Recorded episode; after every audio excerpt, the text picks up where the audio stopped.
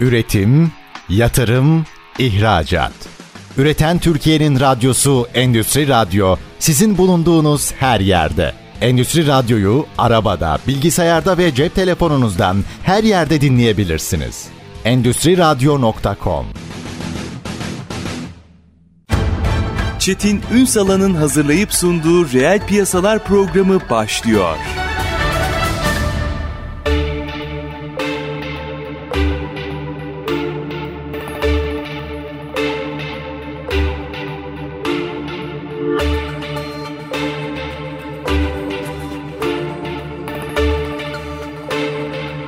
Reel piyasalardan merhabalar. Türkiye'nin gerçek gündeminde birlikteyiz efendim. Ee, az sonra vergi konuşacağız. Karbon vergisi, yabancı yatırımla ilgili vergi mevzuatları, hatta belki enflasyon muhasebesinde mercek altına alacağız. Ee, vergi uzmanı Profesör Doktor Funda Başaran Yavaşlar bizlerle birlikte olacak. İstanbul trafiği birazcık gecikti. Biz e, Sayın Yavaşlar kıymetli hocamız gelene kadar şöyle biraz haberlerle devam edelim isterseniz. Şöyle bir bakalım elektrikli araç çilesinden bahsediliyor Amerika Birleşik Devletleri'nde ilginç bir haber aslında. Belki de e, bambaşka bir teknolojinin de gelişimine vesile olacak bir haber. Soğuk havada dondular. Biraz bakalım mı detaylarına? ABD'nin birçok bölgesinde sert hava koşulları yaşanırken elektrikli araç kullanıcıları da arabalarıyla sorunlar yaşıyorlar. Dondurucu soğuklar e, araçların şarjlarının çok kısa sürede bitmesine neden olurken menzillerde azalıyor. Çalışmalar soğuk havalarda menzil kaybının %10 ila %36 arasında değiştiğini gösteriyor. Elektrikli araca sahip birçok kişinin evinde şarj ünitesi olmaması nedeniyle istasyonlarda uzun kuyruklar oluştu Amerika Birleşik Devletleri'nde. Bazı elektrikli araçların dondurucu soğuklarda hiç şarjı olmadığı da gelen şikayetler arasında. Uzmanlar istasyonların çoğaltılmasının kış aylarında yaşanan bu sorunlara biraz da olsa çare olabileceğini belirtiyor. Dünyanın en soğuk ülkelerinden birisi olan Norveç'te de aynı problemi yaşayan sürücülerin soğuk havalarda verimlilik için araçları ısıttığı belirtiliyor. Ancak ülkede bulunan 120 bin elektrikli araca sahip kişilerin %90'ının evinde şarj istasyonu bulunduğu da ifade edilen gerçeklerden biri. Elektrikli araçlarda içten yanmalı motorların aksine iki tane batarya bulunuyor. Biri yüksek voltajlı olan bu bataryalardan düşük voltajlı olanın şarjı geleneksel otomobillerde olduğu gibi soğuk havalarda azalabiliyor. Böyle bir senaryoda düşük voltajlı bataryanın şarj edilmeden aracın hızlı bir şekilde şarj olmadığı ifade ediliyor. Temiz Enerji Enstitüsü Direktörü ve Irvinia'daki Kaliforniya Üniversitesi'ndeki makine ve havacılık mühendisliği profesörü olan Brower, bunun bataryanın hem şarjını hem de deşarjını etkilediğini söyledi. Uzman, bataryalı elektrikli araçların çok soğuk koşullarda çalışmasını sağlamak çok zor oluyor. Hava soğuksa bir bataryayı o kadar hızlı şarj edemez ya da o kadar hızlı boşaltamazsınız. Etrafta dolaşmanın fiziksel bir yolu yok şeklinde konuştu. Michigan Üniversitesi'nden Descupta'da düşük sıcaklığa ulaştığınızda kimyasal madde olan hemen hemen her şey yavaşlar. Bu sadece doğanın bize verdiği bir şey ve bununla başa çıkmak zorundayız değerlendirmesinde bulundu. Dondurucu soğukların devam ettiği ABD'nin Chicago şehrinde yaşayan mühendis Seti e, aracın Amerika'daki aracı donmuş halde bulduğunu kapı kilidini açabilmek için eksi 5 derecede soğukta bir saate yakın zaman harcadığını belirtti.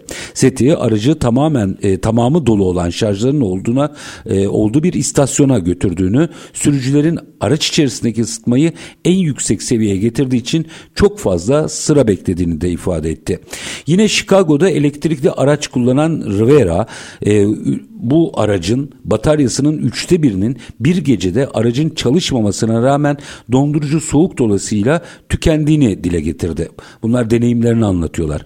Yine e, aracın soğuduğunu söyleyen Rivera istasyondaki uzun sıralardan da şikayet etti. E, bizliğimiz Uber sürücülerinden biri mesela e, deneyimlerini paylaşmış. Spencer soğuk hava mağduru elektrikli araç sürücülerinden biri olarak deniliyor haberin içinde.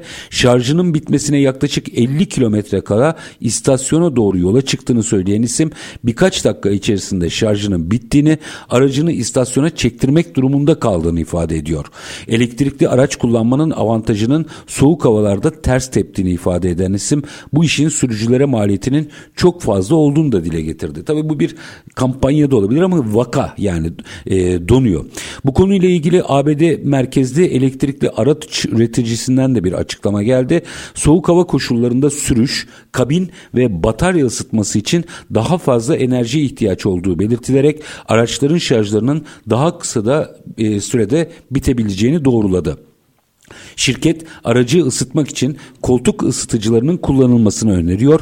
Şirkete göre koltuk ısıtıcıları kabin ısıtıcısından daha az enerji tüketiyor. Ancak bunlardan önce firma aracın sürüşe hazır olması için planlama seçeneğinin kullanılmasını öneriyor.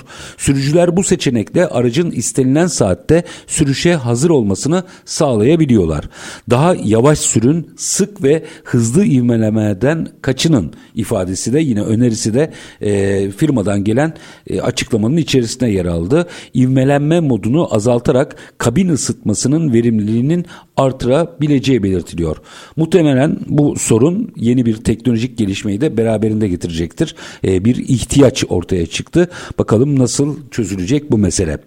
Bir diğer haberimiz Türkiye ile Azerbaycan arasındaki ticaret hacmi ile ilgili. Azerbaycan Devlet Gümrük Komitesi'nin paylaştığı yıllık verilere göre Türkiye, İtalya'nın ardından Azerbaycan'la en fazla ticarette bulunan ikinci ülke oldu. Azerbaycan, İtalya ile 15,6 milyar dolarlık, Türkiye ile ile 7,6 milyar dolarlık ticaret hacmine ulaştı. Azerbaycan'la en fazla ticarette bulunan 3. ülke ise 4,3 milyar dolarla Rusya oldu. Türkiye ile Azerbaycan 2022'de 5,8 milyar dolarlık ticaret hacmine ulaşmıştı.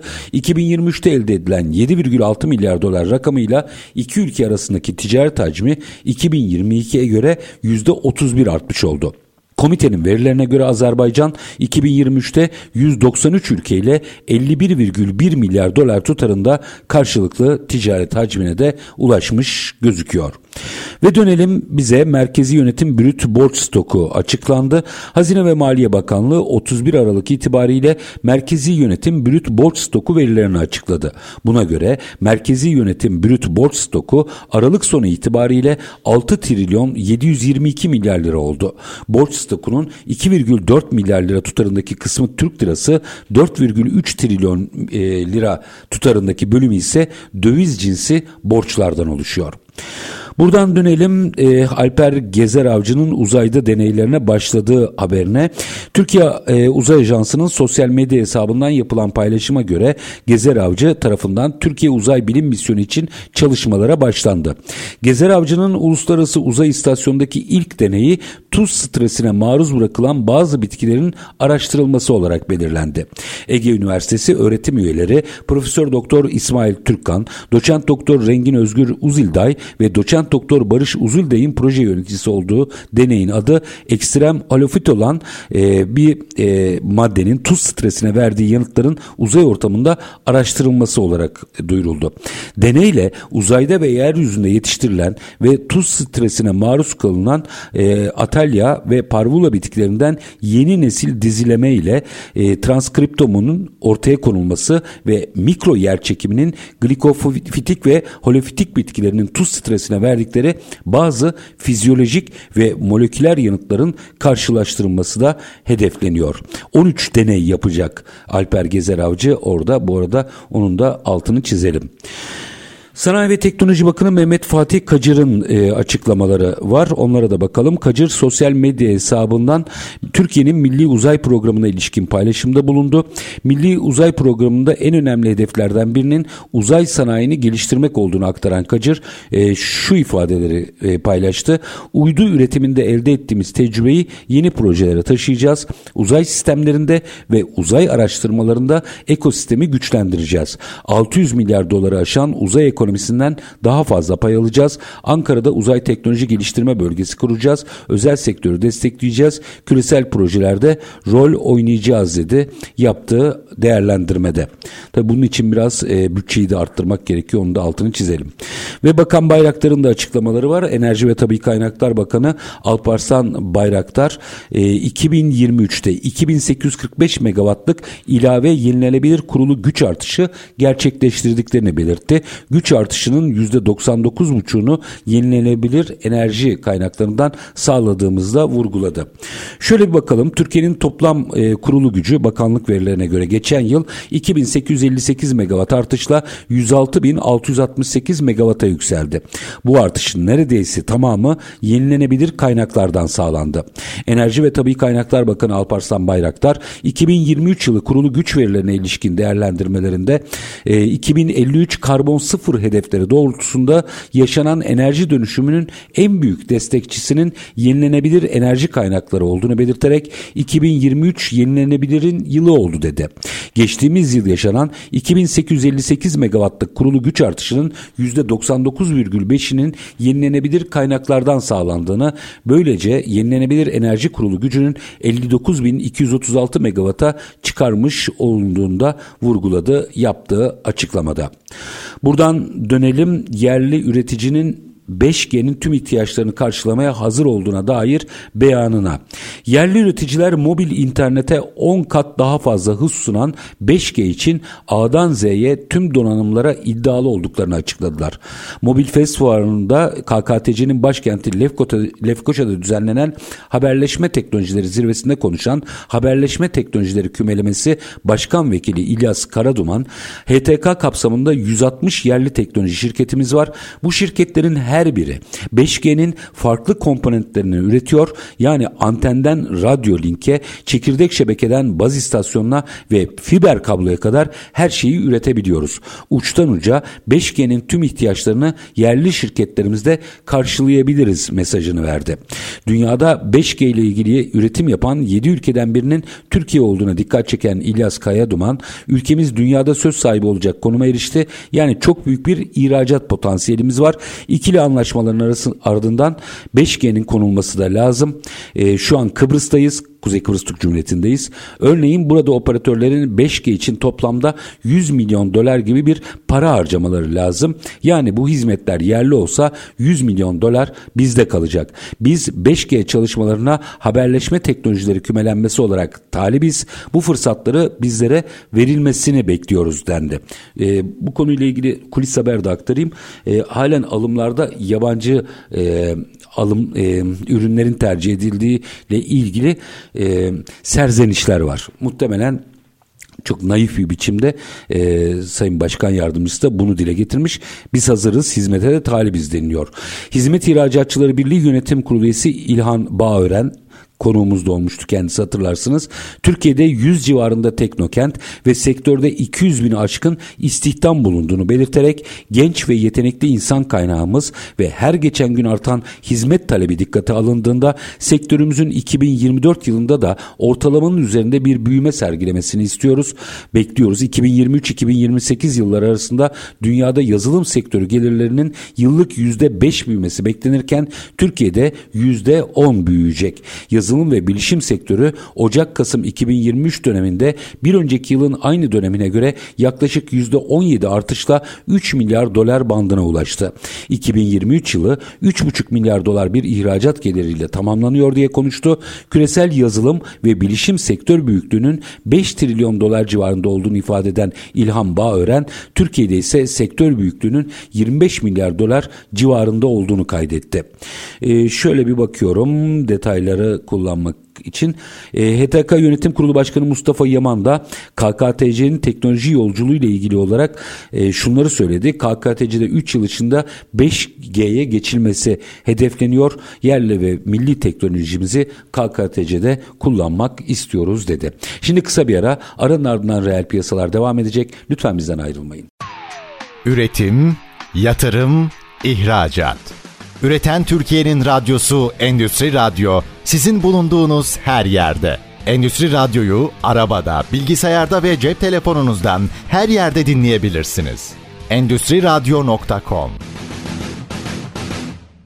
Yeniden kısa bir aranın ardından reel piyasalarda birlikteliğimiz devam ediyor efendim. Şimdi e, vergi konuşacağız ama e, hani günlük ne kadar vergi vereceğiz meselesi değil. Kritik konular var. Birkaç konumuz var. Bunlardan birincisi karbon vergisi adım adım geliyor. E, ikincisi yabancı yatırımlarla ilgili vergi mevzuatları var. Önemli ve şu anda gündemimizde olan aslında enflasyon muhasebesi ya da düzeltmesi. E, biraz akıllar karışık. Çok uzun bir süre e, bu uygulanmadı. Daha önce daha eski firmalar bunları hatırlar. E, ama son belki 15 yıllık e, firmaların çoğu bunu hatırlamıyordur. Tüm bunları konuşacağız. Bizde ne konuşuluyor? Bizim öne çıkanlarımız ne? Avrupa Birliği'nde, Avrupa kapsamında neler konuşuluyor? Almanya'da neler konuşuluyor? Hepsini konuşacağız. Kıymetli bir konuğumuz var. Vergi uzmanı Profesör Doktor Funda Başaran Yavaşlar reel piyasalarda. Sayın Yavaşlar hoş geldiniz efendim. Hoş bulduk. Teşekkür ederim Çetin Bey. Hocam e, vergi galiba şu anda herkesin gündeminde. Yurt içinde, yurt dışında herkes vergilere bakıyor. E, enflasyon muhasebesine özellikle gelmek istiyorum. Çünkü orada e, unutulan çok şey var. Evet. Ama biraz... E, 2026 ben kronometre geri sayıyor diye e, nitelendirmeyi daha evet, çok seviyorum. Evet. Karbonla başlayalım. Evet, başlayalım. Şimdi önümüzde adım adım gelen e, bir çığ mı diyeyim eğer gereğini yetir, e, yerine getirirsek bir avantaj mı diyeyim nasıl tanımlayacağım bilmiyorum ama e, sadece böyle bir başlığı atıyoruz ve duruyoruz. Hocam gerçekten karbon vergisiyle ne bekliyor bizi? Şimdi öncelikle karbon vergisinin altında yatan mantığı bir ortaya koymak gerekiyor. E, amaç aslında son derece doğru bir amaç. O da nedir? E, iklim değişiklikleri yaşıyoruz. Onu hiç olmazsa belli bir noktada durdurabilmek. İklim değişikliğine de yol açan nedir? Sera gazı salımı ki bunda da karbon dioksitin çok fazla rolü var. Dolayısıyla onu engellemek e, istiyorlar üretim yaparken e, dünyadaki pek çok devlet biliyorsunuz Birleşmiş Milletler çatısı altında imzalanan bir Paris Antlaşması var. Avrupa Birliği içerisinde de bir Green Deal, yeşil anlaşma söz konusu. Dolayısıyla karbon vergisi bütün bu sürecin bir parçası parçasını oluşturuyor. Şimdi ana amaç bu. Bunu buna ulaşabilmek için de üretici firmaların mümkün olduğu kadar e, karbon emisyonu e, düşük bir şekilde üretimlerini gerçekleştirmeleri gerekiyor. Bu ise yüksek maliyet anlamına geliyor. Şimdi Avrupa Birliği kendi içerisinde bir tüzük çıkartarak e, bunu kendi işletmeleri bakımından öngördü. Dedi ki bundan sonra işte siz adım adım tabii ki adım adım gelen bir süreç içerisinde karbon emisyonu az olacak şekilde üretiminizi yapacaksınız. Fakat bunun maliyeti çok yüksek olduğu için kendi işletmelerinde bir taraftan korumak istiyor tabii ki.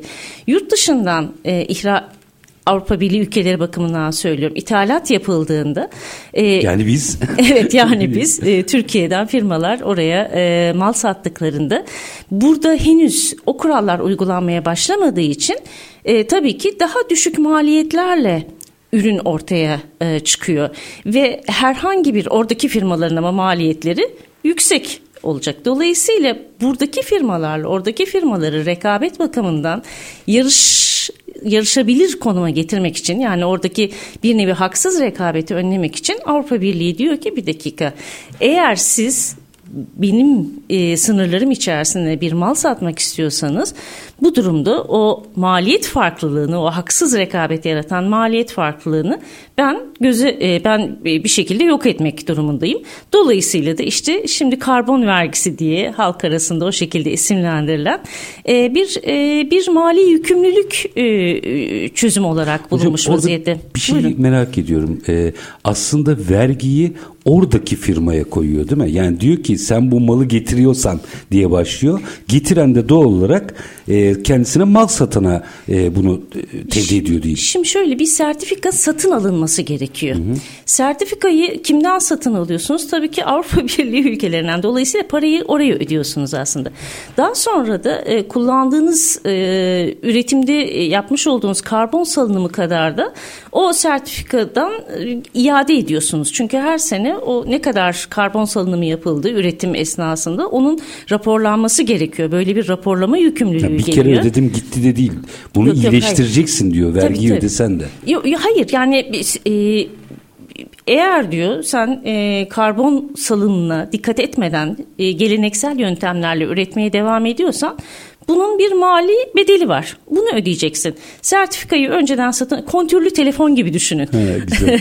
Şimdi siz e, alıyorsunuz e, kontürleri. Daha sonra da e, ne kadar üretiminde ne kadar e, karbon salınımı oldu? İşte o kadar e, o sertifikadan iade etmek zorundasınız. Geri vermek zorundasınız. Yani kullanmış oluyorsunuz sertifikanın o kısmını.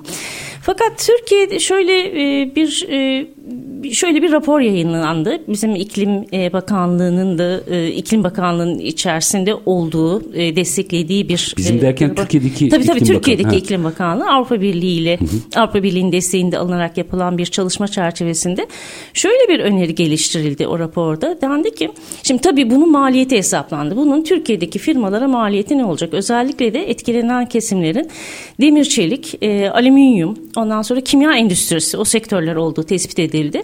E, bunun e, bu bu sertifikanın işte e, şey başına e, ton başına işte ne kadar olacağı e, daha henüz ücretler tabii belirlenmiş değil. Ama düşük bir ücret olduğunda ne kadar olacak? Yüksek bir ücret olduğunda örneğin 150 avro olduğunda ya da işte efendim 75 avro olduğunda ne kadar olacağı hesaplandı. Hocam şey Şimdi yanlış mı biliyorum? Ekim e, 1 Ekim bir kritik tarihti bu. Ekim'den itibaren ortaya çıkan veriler galiba bu ücretleri belirleyecek. Evet Doğru yani mu? ilk önce tabii yani Avrupa Birliği'nde bir raporlama süreci şu anda e, henüz başlamadı ama 2025'ten itibaren 2025 sonundan itibaren o raporlama süreci başlayacak öncelikle.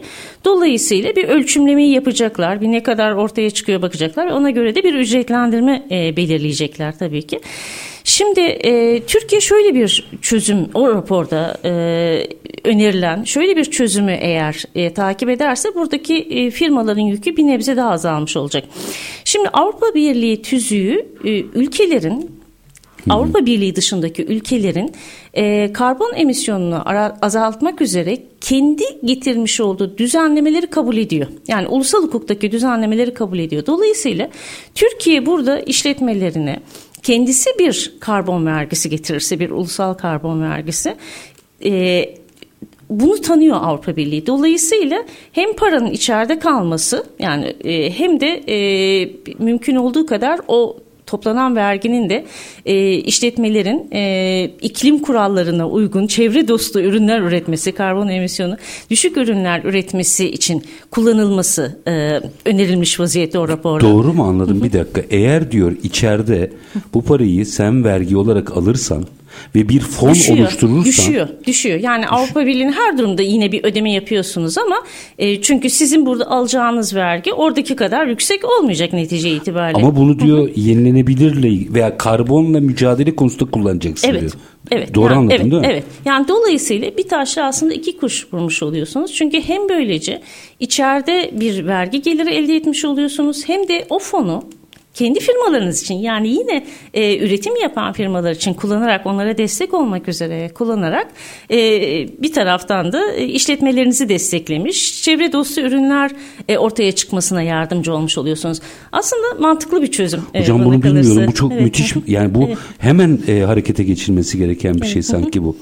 E, ama yine yapacaktır, de evet. yine de ödeniyor Avrupa Birliği'ne bir şey galiba. Çünkü arada fark var. Yani Türkiye'de ne kadar yüksek konulursa konulsun hani Avrupa Birliği'nden alınması gereken bir sertifika var. Dolayısıyla arada bir fark muhakkak ki çıkacaktır. Çünkü şu anda Avrupa Birliği'nin ne kadar e, işte o, o, e, ton başına diyorum ben ama e, yani ne kadar e, bir e, ücret saptayacağını henüz bilmiyoruz. tabii. Dolayısıyla ulusal hukuktakiyle oradaki birbirinden ayrıştığında aradaki fark kadar tabii ki oraya bir ödeme yapılması gerekecek. E, şimdi bu, bu çok güzel, e, hoşuma Ama gitti. mantığı Bu çok zannediyorum mantıklı. e, anlaşıldı değil mi? Yani amaç bir taraftan çevre dostu ürünler üretilmesini sağlamak. Böylece iklimi Tabii tabii onda korumak. zaten Bir mantığında taraftan- hiçbir sıkıntımız yok. Yani haksız. Ya COP28'e Evet, de gitsek evet, bunlar hep e, tartışılıyor ama e, şunu anlamak istiyorum. İki tane boyutu var bu işin. Bunlardan birincisi ben burada devletime ödediğim vergi nedeniyle e, gümrükte bir daha sıkıntı yaşar mıyım? Birincisi bu. Yani geçerliliği ne kadar Evet. olacak? Bir de mesela Türkiye değil de İtalya veya yani Avrupa Birliği üyesi bir ülke içinde e, aynı kriterler söz konusu mu? Şimdi bu sadece bir rapor. Ee, daha henüz Öngörünüzden bahsediyorum yani, tabii. Şimdi orada nasıl bir mekanizma kurarlar onu bilemiyorum açıkçası ama e, işletme bazında herhalde bunu düşünmek gerekir hmm. doğal olarak. Yani burada ödenmiş olan verginin işte e, ithalat yapılırken herhalde hesaplanacak olan vergiden e, indirilip ona göre kalan sertifikaların belki iletilmesi durumunda herhalde bir mekanizma gelişir. İkinci sorunuz İtalya e, İtalya örneği Rastgele, üzerinden. Yani, yani tamam Avrupa neydi? Birliği üyesi e, herhangi bir ülke için de e, aynı şartlar geçerli mi? Aynı Onlar- ağırlıkta çünkü orada gümrük yok. gümrük e, onlar bir bütün yani orası bir pazar bir bütün olduğu için onlar tamamen e, tüzüğün kurallarına Avrupa Birliği'nin konuyla ilgili tüzük kurallarına uygun davranmak zorundalar. Benim rakibim mesela Tabii, bazı hı hı. ürünlerde İtalyan, Evet, bazı ürünlerde İspanyol. Evet. E, orada bir dezavantajım olacak mı diye merak ettim. Yok yüzden. yani e, Avrupa Birliği düzeyinde belirlenir o rakam. Ülkeden ülkeye değişiklik göstereceğini hiç zannetmiyorum. Çünkü orada e, şimdi şöyle bir durum söz konusu. Avrupa Birliği'nin işleyişine dair anlaşma e, Avrupa Birliği'nin birincil hukuk kaynaklarından bir tanesidir. Yani doğrudan bir anayasa gibi adeta düşünün siz onu. Doğrudan uygulama alanı bulur. Ve o anlaşmada da haksız rekabetin önlenmesine dair özel kurallar var. Yani Avrupa Birliği'nin en önemli amaçlarından Avrupa Birliği şu anda siyasi bir kuruluş ama kuruluşu itibariyle hatırlayacak İktisadi. olursanız evet yani ekonomik bir e, yapıydı. E, işletmelerin e, eşit koşullar altında rekabet edebilmeleri çok önemli. E, bu nedenle mesela pek çok dava açılıyor Avrupa Birliği Adalet Divanı önünde. Bu mesele de rekabeti doğrudan etkileyen konulardan bir tanesi. Onun için öyle ülkeden ülkeye farklılık e, olmasına izin vereceklerini pek zannetmiyorum. Bunu sevindim. Peki şimdi 2-3 dakika sonra bir araya gideceğim. Aranlarından bir enflasyon muhasebesini de açmak Konuşalım. istiyorum ama burada e, şöyle bir algı var hocam. Size soracağım. Ha, bizde alışkanlıktır ya son dakikada işler değişir. Evet. Avrupa da bunu son dakikada iptal eder. Son dakika öteler gibi bir algı var. E, kamu yönetimi nezdinde değil. Evet. Piyasaya çıktığınızda sektörde, firmalarda böyle bir ne, ne ötelerler. Gerçekten öteleme ihtimalleri var mı? Yoksa konu ciddi mi hocam? Konu bence son derece ciddi. Yani hiç öyle bir öteleme imkanı ben görmüyorum. Meğer ki çok olağanüstü bir durum olur. O dünya yani ölçeğinde olur, Yani, e, o şey ayrı bir şey ama e, onu zannetmiyorum. Öyle bir ertelemenin söz konusu olacağını. Çünkü e, Avrupa Birliği bunu çok önemli bir amaç olarak ajandası içerisine koymuş vaziyette ve Almanya'da mesela konuyla ilgili harıl harıl pek çok toplantı düzenleniyor. Yani hiç öyle Almanya'dan bakıldığında iptal edilecek, ertelenecek bir e, konuymuş gibi gözükmüyor. Yani bunu 1 Ocak 2026 itibariyle Evet. önümüzde bulacağız. Bana kalırsa. Almanya ne tartışıyor mesela? Almanya'da e, vergiler dendiğinde e, mesela son dönemde tabii ki enflasyon tartışmaları vardı. O giderek azaldı. E, ama Almanya'da vergilerle ilgili olarak en fazla işletme kazançlarının vergilendirilmesi e, konuşulur. E, Avrupa Almanya e, Amerika ile e, neredeyse eşit ölçekte dünyanın ihracat e, rekoru Tabii, kıran ülkelerinden bir tanesi. Dolayısıyla son dönemde mesela Avrupa e, Amerika Birleşik Devletleri'nde e, enflasyonun etkilerini gidermek üzere çıkartılmış olan bir yasa vardı. Bu yasa onların işletmelerinin e, rekabetini, Amerikan işletmeleriyle rekabetini e, nasıl etkiliyor ve e, onlar kendi işletmelerini yani Almanlar kendi işletmelerini desteklemek üzere ne yapabilirler? Bununla ilgili mesela bir yasa çıkarttılar ve o yasa üzerinde tartışmalar e, devam ediyordu en son. Almanlar e, gizli gizli yapıyor. Çünkü en çok sesi Fransızların çıktı o e, Amerika'daki yasaya ama Almanlar anladığım kadarıyla hazırlanıyorlar bu işe. Almanlar işletmeleri Almanlar bakımından işletmeleri e, şimdi tırnak içerisinde söyleyeyim kutsaldır. Çok çok önemlidir. Çünkü e, e, işletme e, yani burada çok liberalist düşüncelere falan gerek çok liberal düşüncelere gerek yok. Burada mantık şudur. İşletme demek netice itibariyle istihdam demektir. İşletmenin kapanması insanların işini kaybetmesi anlamına gelir. İkincisi işletme demek vergi demektir. İşletme demek eğer o güçlü bir işletme ise Almanya'nın diğer ülkeler nezdinde güçlü olması demektir netice itibariyle. Yeni ürünler üretmesi demektir. Artı sosyal güvenlik fonu demektir. Tabii yani dolayısıyla işletmeler son derece kutsaldır. Mesela İspanya'da başka ülkelerde e, bu aşırı pandemi döneminde aşırı kazanç elde eden işletmelere işte aşırı kazanç vergisi filan gibi vergiler getirilirken Almanya'da bu birazcık tartışıldı sonra bir kenara bırakıldı. Yani işletmelere mümkün olduğu kadar dokunmamaya çalışırlar. E, çünkü Almanya'da aslında 2. Dünya Savaşı ile birlikte meseleyi okuduğunuzda Almanya da işletmeler Almanya'nın ordusudur. Evet. Evet. Meseleye buradan evet. bakmak evet. lazım. Şimdi minik bir araya gideceğim. Aranın ardından şu bizde enflasyon muhasebesini de biraz açmak isterim. Minik bir ara. Aranın ardından vergi uzmanı Profesör Doktor Funda Başaran Yavaşlar'la sohbetimiz devam edecek. Lütfen bizden ayrılmayın. Üretim, yatırım, ihracat. Üreten Türkiye'nin radyosu Endüstri Radyo sizin bulunduğunuz her yerde. Endüstri Radyo'yu arabada, bilgisayarda ve cep telefonunuzdan her yerde dinleyebilirsiniz endüstriradyo.com Üretim, yatırım, ihracat. Üreten Türkiye'nin radyosu Endüstri Radyo sizin bulunduğunuz her yerde. Endüstri Radyo'yu arabada, bilgisayarda ve cep telefonunuzdan her yerde dinleyebilirsiniz. endüstriradyo.com Kısa bir aranın ardından reel piyasalarda tekrar sizlerle birlikteyiz. Vergi uzmanı Profesör Doktor Funda Başaran Yavaşlar bizlerle birlikte efendim. Ee, şimdi karbon vergisiyle başladık. Hocam madem oraya e, geldi mesele. Mesela şu ifadeniz çok ilginçti. Ee, enflasyon Almanya'da tartışıldı ama şimdi geçti. Çünkü galiba bir yol aldılar. Evet. Ciddi bir yol aldılar evet. hem de. Neredeyse ikileri iki rakamlara evet. kadar gidip e, hedef enflasyona yakınlar orada tutmaya çalışıyorlar düşürmek üzere. Şimdi orada e, işler biraz daha rahatladı ama bize döndüğümüzde enflasyon muhasebesi gündemde. Bunu biraz daha böyle 30 yıllık falan işletmeleri olanlar biliyor da daha az böyle 10 yıllık falan işletmelerin çoğunun ezberinde olan bir mesele değil. Enflasyon muhasebesine getirecek hayatımıza.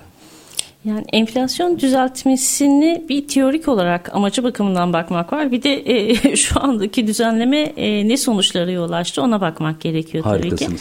Teorik olarak bakıldığında e, bakın anayasamızda bir düzenleme var. Şimdi bu Türkiye bir hukuk devleti. Dolayısıyla da her zaman anayasal ilkeler en baştadır. Yani normlar hiyerarşisi vardır hı hı. ve normlar hiyerarşisinde de en üstte anayasa vardır. Dolayısıyla bütün alttaki düzenlemelerin yasalar dahil anayasaya uygun olması gerekir.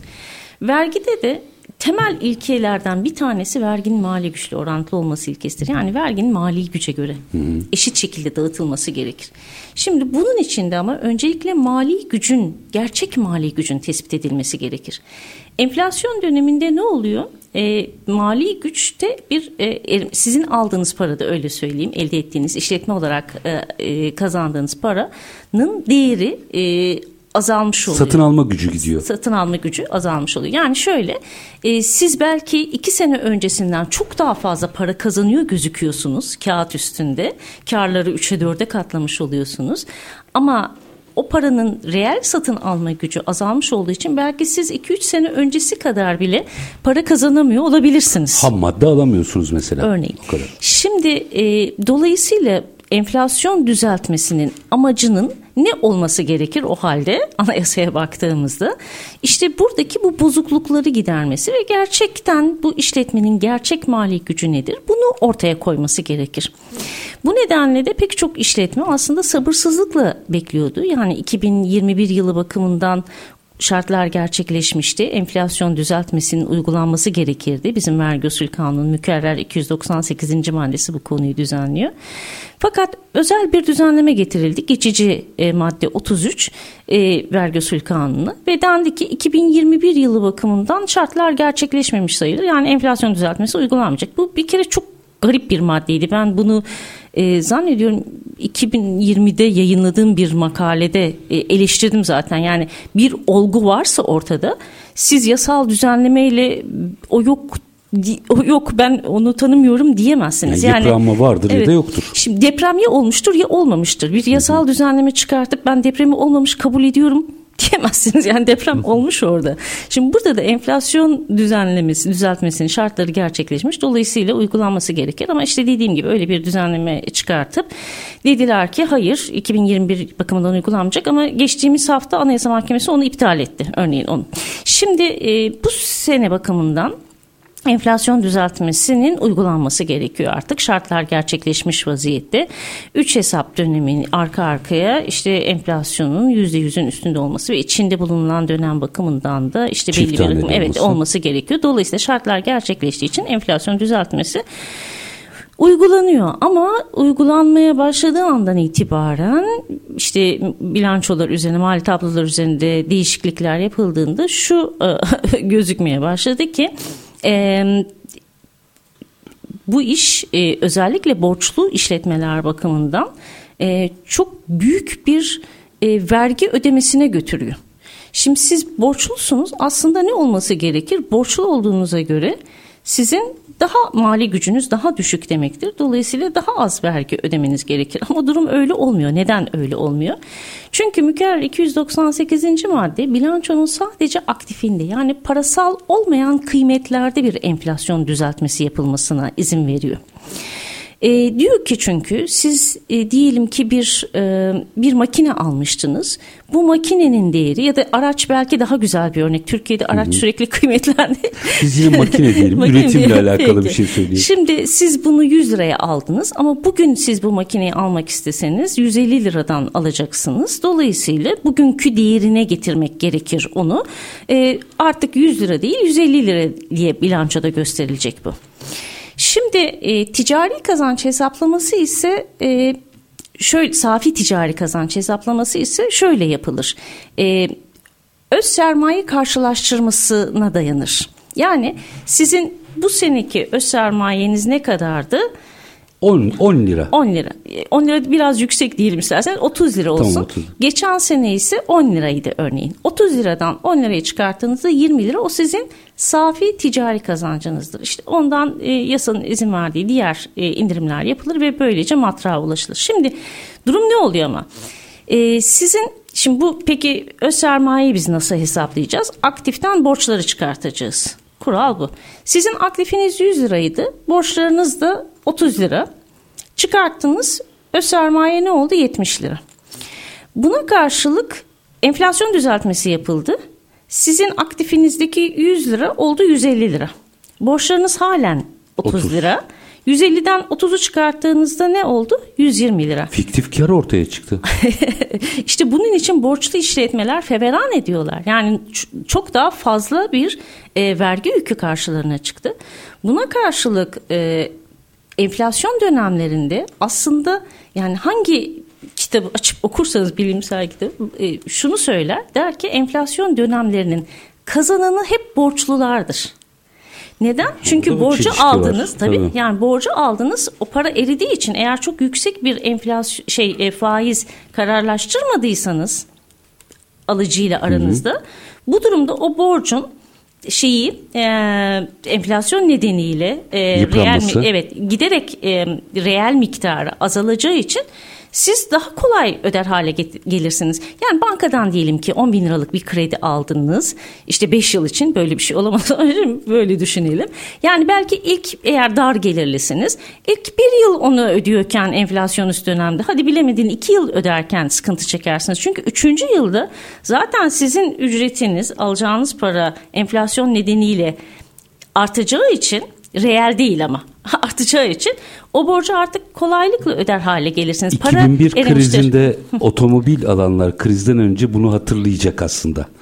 Yani e, çok ucuza gelmiştir görece olarak e, araç. Bu bundan bahsediyoruz Evet aslında. yani e, normalde kural budur. Enflasyon dönemleri borçluların kazandığı dönemdir. Ama bizde mevcut enflasyon düzeltmesi kuralı çerçevesinde tam tersine bir durum ortaya çıktı. Borçlu işletmeler e, kan ağlıyorlar. Yani aktifi yüksek olup da e, işte borcu e, e, bu şekilde olan işletmeler Doğrusu bakımından- ne olması lazımdı hocam? Ne yaparsak hakkaniyetli olacaktı? Şimdi ben Belki hala yapılabilirdi o yüzden soruyorum. e, ben e, muhasebe uzmanı değilim. Ben bir hukukçuyum. Sadece olması gerekeni e, söyleyebilirim. E, her iki tarafta da bir şekilde enflasyon yıpranmasını yani enflasyondan e, arındırmayı gerçekleştirecek bir mekanizmanın kurulması gerekiyor. Ha bu mekanizma nasıl bir mekanizmadır muhasebe kuralları çerçevesinde onu bilemem ama anayasanın emri son derece açık. Mevcut düzenlemenin anayasaya aykırı sonuçlar ortaya koyduğu da açık.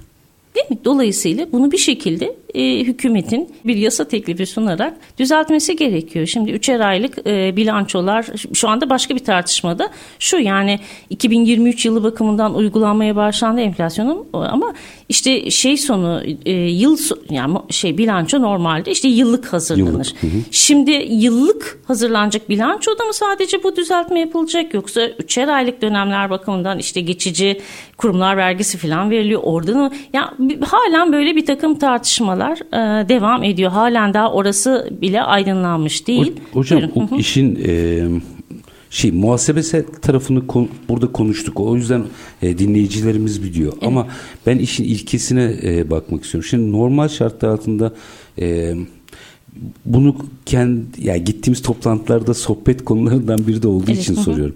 Normalde e, baktığınızda gelir vergilendirilir değil mi hocam? Evet.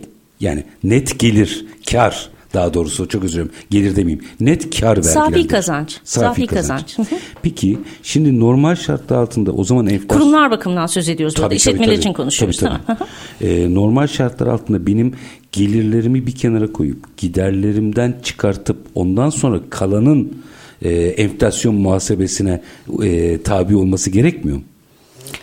İşte enflasyon şimdi e, evet ama sizin bir de bir varlığınız var ya yani aktifiniz var. Tamam. Yani sadece Hepsini gelirden koydum. oluşmuyor. Hepsini koydum. yani aktifle pasifin farkı net kar diye çıktığımızda e, oradaki karın enflasyonda ne kadar yıprandığını ayırıp geri kalanının vergisini Ama vermem gerekmiyor mu? İşte mekanizma öyle işlemiyor. Biraz önce anlatmaya çalıştım. Yani öz sermaye karşılaştırmasına dayandığı için aktiften borçların çıkartılıp öz sermayenin bu şekilde bulunması gerekiyor. E, aktif çoğaldı, arttı. Enflasyon düzeltmesi nedeniyle orası 100 liraydı, 150 lira yaptık. Ama borçlar yerinde sabit kaldı. Halen orası diyelim ki 30. Dolayısıyla siz 150'den 30 çıkarttığınızda 120 lira oldu. Oysa önceden 100'den 30'u çıkarttığınızda 70 liraydı. Anlatabiliyor muyum? Yani reel sektörle sohbet ettiğimizde şunu da söylüyorlar.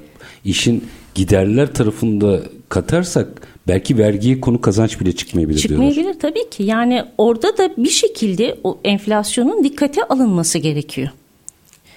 O alınmadığı için şu an sadece aktiflerle, parasal olmayan kıymetlerle kural olarak yani birkaç tane orada istisnai düzenleme var pasif tarafla da ilgili ama şu an aktifler üzerine yoğunlaşılmış olduğu için Dolayısıyla e, işletmeler bakımından olumsuz bir sonuç ortaya çıkmış Hukukçu vaziyette. Hukukçu gözüyle baktığınızda burada bir yasal düzenlemeye mi ihtiyaç var hocam? Orayı da biraz hatırlatalım. Yani açalım. vergi usul kanunun 298 mükerrer 298. maddesinin anayasaya uygun bir şekilde düzenlenmesi gerekiyor. Yani enflasyon arındırmasını yapıp gerçek mali gücü ortaya koyacak şekilde oluşturulması gerekiyor. Belli ki orada yanlış giden bir şeyler var ortaya çıkan sonuca göre. Anladığım kadarıyla bu e, çok tartışılacak bu süreç içerisinde.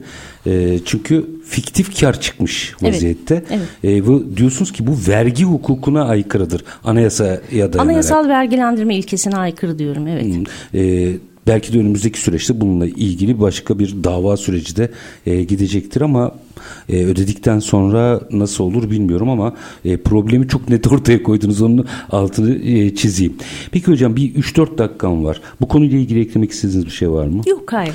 Bir noktayı bu 3-4 dakikada bir meseleyi hazır da sizi yakalamışken bir meseleyi daha bu yabancı yatırımla ilgili vergi mevzuatlarına da bir bakalım. Orada durum ne? Yani yabancı yatırımcıya son derece e, uygun Türkiye'deki işletmelerle eşit şartlar altında burada yatırım yapabilme imkanı tanınıyor. Dolayısıyla bir zorlaştırma vesaire yok. Tam aksine bütün ülkeler gibi Türkiye'de yabancı yatırımcı buraya gelsin arzu ediyor. Peki ben şimdi bunu söyledim Hı-hı. özellikle ikinci boyutu açacağım. Avrupa'yı açacağım. Hı-hı. E, son dönemde Doğu Avrupa çok dikkat çekiyor. Evet. E, hani hatta Batı Avrupa'nın bile veya Güney Avrupa'nın bile buraya doğru yatırımları kaynağı kaydırdığını görüyoruz. Ne yapıyorlar vergicilik adına? Çünkü çok büyük imkanlar sunduklarından falan Hı. bahsediliyor. Şimdi şöyle e, mesela Macaristan'da kurumlar vergisi oranı yüzde dokuz. Yani Avrupa'nın en düşüğü. İrlanda'dan bile daha düşük. OECD'nin çok altında. Tabii. Yani İrlanda'da yüzde on iki buçuk ki yıllarca İrlanda bu nedenle e, kara koyu muamelesi gördü Avrupa Birliği içinde. E, Macaristan'da yüzde dokuz. Estonya'da mesela şu var. Estonya öne çıkan ülkelerden bir tanesi. Estonya'da da e, şey dağıtılmadığı sürece, e, kar dağıtılmadığı sürece e, kurum ortaklarına vergi yok.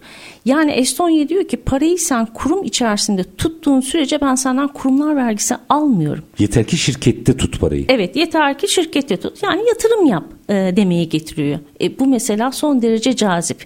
E, bunun için e, sizin Estonya'ya gitmeniz de gerekmiyor. Ya, residency denilen yani böyle elektronik e, yerleşiklik denilen bir belgeyi çok kısa bir süre içerisinde e, hemen siz elektronik ortamda alabiliyorsunuz. Sanal ikametgah. Evet sanal ikametgah çok çabuk bir şekilde kurabiliyorsunuz. E, ve Estonya baktığınızda e, hukuk devleti yani, e, hukukun üstünlüğünü dikkate alan devletler sıralamasında da üstlerde yer alıyor. Galiba 12. sırada filandı yanlış hatırlamıyorsam eğer. Şimdi e, e, dolayısıyla e, ne olmuş oluyor? Öne çıkmış oluyor. Buna karşılık Macaristan e, bir Estonya kadar bakın e, yüzde dokuz olmasına rağmen Avrupa'nın en düşüğü olmasına rağmen oran bakımından e, orası kadar çok fazla çekemiyor. Neden çekemiyor? Hukuk hukukun üstünlüğü sıralamasında Macaristan çok da aşağılarda 70 küsür falan diye hatırlıyorum. Yani sadece bir tek vergiyle iş bitmiyor. Orası bir bütün. Çünkü yatırımcı giderken o sistemi güvenmek de istiyor. Ha ülkenin geri kalan kısmı çok kötü olabilir. O ayrı bir şey. Ama en azından kendi yatırımı bakımından bir güvence istiyor karşısında. Bunu özellikle şu açıdan açmak istedim. Ee, son dönemde hepiniz burada kalın tamam da yani bir gerçekleri de biliyoruz. O yüzden ben hocamı da yakalamışken sormak isterim. Ee, buradan e, yurt dışına giden yatırımlar var. Evet çok. Biliyoruz. Çok. Çok, çok fazla hem de. Evet. Özellikle Doğu Avrupa'ya çok fazla var. Şimdi e, Mısır'a da kayan var. Evet. Her şeyi dökeyim de. E, şimdi, o tarafa gitmek isteyen vergi mevzuat açısından neye dikkat etmek zorunda? E, bunu e, Doğu Avrupa'dan bahsediyorum, evet. Mısır'dan bahsetmiyorum.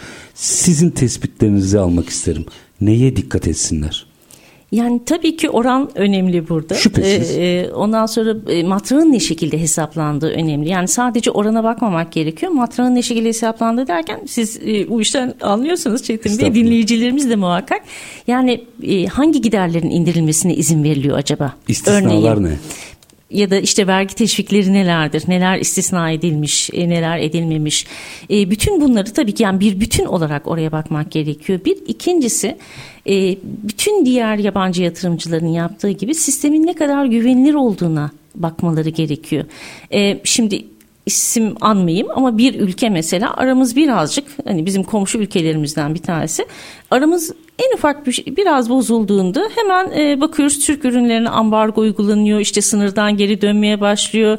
Hatta Türk işletmecileri o ülkeden gönderilmeye başlanıyor.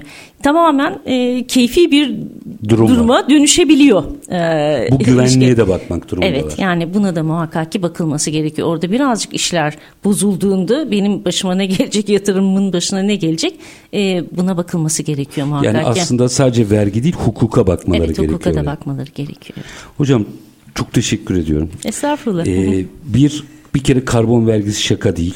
Ciddi alım evet. geliyor adım adım. Ee, Almanya'da bu konuyla ilgili çok toplantılar yapıldığını evet. ifade evet. ediyorsunuz. Ee, ikincisi e, baktığınızda enflasyon muhasebesiyle ilgili çok enteresan bir e, açmazı ortaya koydunuz ve özellikle borçlu işletmelerin sıkıntı yaşadığına dikkat çektiniz. Üçüncüsü temenni etmem. Yani kimse buradan gitmesin Gönül onu arzu eder ama evet. gidenler açısından da özellikle Doğu Avrupa'da evet. e, sadece e, ne kadar vergi teşviki olduğuna değil oradaki hukuksal altyapıya ve güvenilirliğe de bakmayı evet. tavsiye ettiniz. Evet. Vergi uzmanı Profesör Doktor Funda Başaran Yavaşlar çok teşekkür ediyorum efendim. Estağfurullah. Var olun. Efendim biz üç ana başlıkta aslında bugün böyle hızlıca e, saygıdeğer hocamla birlikte hem Avrupa Birliği hem Türkiye açısından enteresan e, başlıkları sizlerle paylaştık. E, gözüken o ki özellikle enflasyon muhasebesiyle ilgili bir yasal düzenleme gelecek. Yoksa anayasa tartışması ile ilgili bir problem çıkacak bildiğim kadarıyla. E, ama e, vaka şu ki borçlu şirketlerle ilgili bir açmaz yaşandığını ifade ediyor e, Sayın Yavaşlar. Karbon vergisi lütfen e, aranızda konuştuğunuzu biliyorum. E, Avrupa Birliği son anda e, iptal eder falan gibi. Böyle bir şey yok. Yok değil mi hocam? Ben yetkililerin yerine geçip bir cevap veremem ama hava o şekilde onu Değil, söyleyebilirim. Onun altını evet. çizelim.